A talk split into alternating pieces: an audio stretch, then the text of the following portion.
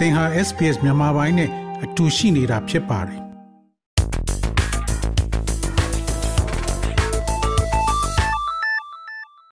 သောရရှင်များယနေ့ဇန်နဝါရီလ15ရက်တနင်္လာနေ့အတွက် SBS News Flash သတင်းထူးများကိုတင်ဆက်ပေးမှာဖြစ်ပါတယ်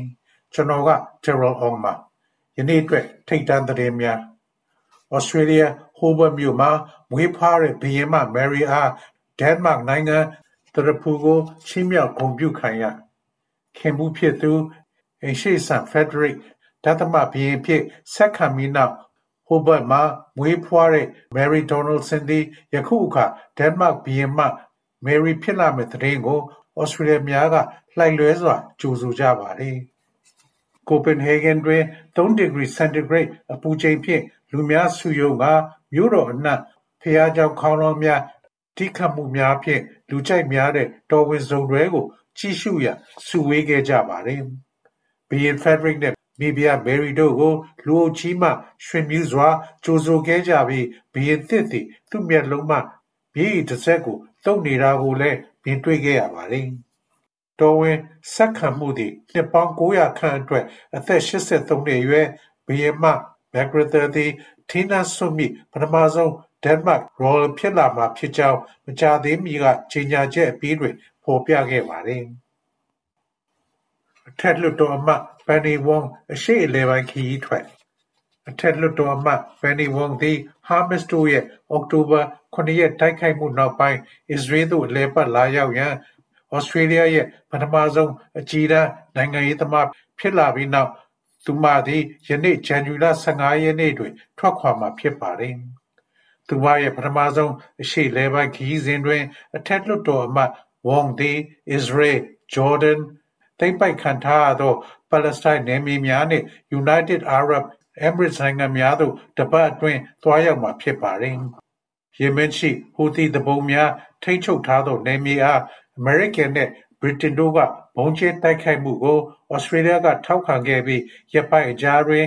အီရန်ကျောထောက်နောက်ခံပြုအဖွဲ့မှပင်လယ်နီအတွင်းစီးပွားရေးသင်္ဘောများကိုစတင်တိုက်ခိုက်ခဲ့ပါသည်။အီရန်သည်ပဋိပက္ခတွင်ဝင်ရောက်စွက်ဖက်နေပြီးအဖျက်သဘောဆောင်တဲ့အခန်းကဏ္ဍမှပါဝင်နေကြောင်းဝန်ကြီးချုပ်အန်ထိုနီအယ်ဘနီစီကပြောဆိုပါသည်။ဆန်တဲ့အမတ်ဝုံသည်ဩစတြေးလျသည်ဒေသတွင်းငြိမ်းချမ်းရေးအတွက်မိတ်ဖက်များနှင့်လက်တွဲလုပ်ဆောင်ရန်ကတိပြုထားကြောင်းပြောဆိုပါသည်။ အဆင့်သုံးဆင့်အခွန်ဖြတ်တောက်မှုမညီမျှမှုကိုစီမံခန့်ခွဲရန်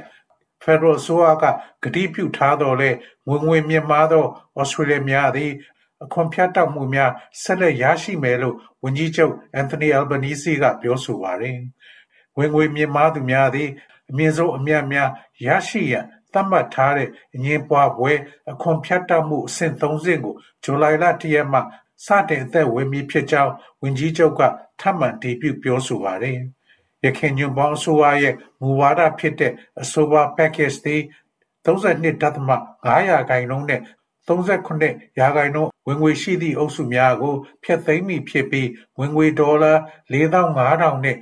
နှစ်သိန်းကြားရရှိသည့်အုပ်စုမှ30ရာခိုင်နှုန်းကိုဆောင်ကျဉ်ရမှာဖြစ်ပါတယ်။ National MP Barnaby Joyce ကအစောပိုင်းက Channel 7ရဲ့ Sunrise သို့ပြောကြားရာတွင် Albanese အစိုးရသည်၎င်းရဲ့2022ခုနှစ်ရွေးကောက်ပွဲမဲဆွယ်မှုတွင်ဖော်ပြခြင်းမရှိသောမူဝါဒကိုပြောင်းလဲသင့်တယ်လို့ပြောဆိုပါသည်။ Mr. Albanese မှ ABC Radio Melbourne သို့ပြောကြားရာမှာဖြတ်တောက်မှုများသည့်ငွေကြေးဖောင်းပွမှု policy တွင်အကျုံးဝင်ကြောင်းပြောကြားခဲ့ပြီး Federal Budget တွင် စားဝတ်နေရေးအခက်အခဲကြုံနေရသောအော်စီများကိုကူညီဆောင်ရွက်ပေးမယ့်အစီအမံများကိုဆက်လက်ကြည့်ရှုသွားမယ်လို့ပြောဆိုသွားပါတယ်။တိုင်ဝမ်အနိုင်ရပါတီကိုနိုင်ငံခြားအစိုးရများကဂုဏ်ပြုအာဏာရဒီမိုကရက်တစ်တိုးတက်ရေးပါတီ DPP ရဲ့သမ္မတလောင်း လိုက်ချင်းတဲကဇန်နဝါရီလ23ရက်မှာနိုင်ရရှိခဲ့တဲ့တိုင်ဝမ်ရွေးကောက်ပွဲရလဒ်အပေါ်တုံ့ပြန်တဲ့အနေနဲ့နိုင်ငံခြားအစိုးရတွေနဲ့ကမ္ဘာတဝန်းကတာဝန်ရှိသူတွေကကြေညာချက်ထုတ်ပြန်ရင်းချီးကျူးဂုဏ်ပြုခဲ့ကြပါတယ်။တိုင်ဝမ်နဲ့တရားဝင်သံတမန်ဆက်ဆံရေးမရှိသေးပေမဲ့ဂျပန်နိုင်ငံဟာအရေးကြီးတဲ့မိတ်ဖက်ဆက်ဆံရေးနဲ့ပူးပေါင်းဆောင်ရွက်မှုကိုအလေးထားတယ်လို့ဂျပန်နိုင်ငံခြားရေးဝန်ကြီး ယိုကိုကာမီကာဝါကစနေနေ့ကထုတ်ပြန်တဲ့ကြေညာချက်ထဲမှာပြောဆိုထားပါတယ်။ဂျပန်နိုင်ငံမှာရှိတဲ့တရုတ်သံရုံးကတော့ကာမီကာဝါရဲ့ဂုဏ်ပြုစကားပြောကြားချက်ကိုပြတ်ပြတ်သားသားကန့်ကွက်တယ်လို့ဇန်နဝါရီလ14ရက်နေ့ကပြောဆိုခဲ့ပါတယ်။ DPP ပါတီရဲ့ line ရဲ့အောင်ပွဲဟာရည်ရွယ်ချက်ဖြတ်ကျော်ဆက်ဆံရေးရဲ့အခြေခံအခင်းကျင်းကိုအပြောင်းအလဲလုပ်မှာမဟုတ်ဘဲနိုင်ငံခြားမှစွက်ဖက်မှုကိုအခိုင်အမာဆန့်ကျင်တယ်လို့တ ရုတ်နိုင်ငံတော်ကောင်စီ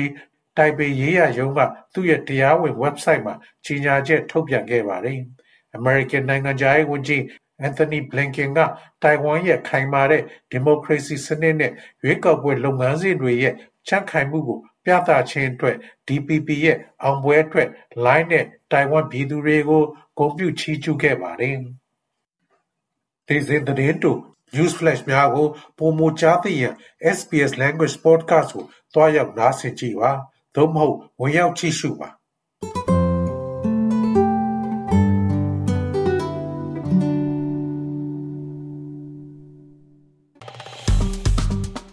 SPS မြန်မာပိုင်းကို Facebook ပေါ်မှာ like ရှာပြီး like မျှဝေမှတ်ချက်ပေးပါ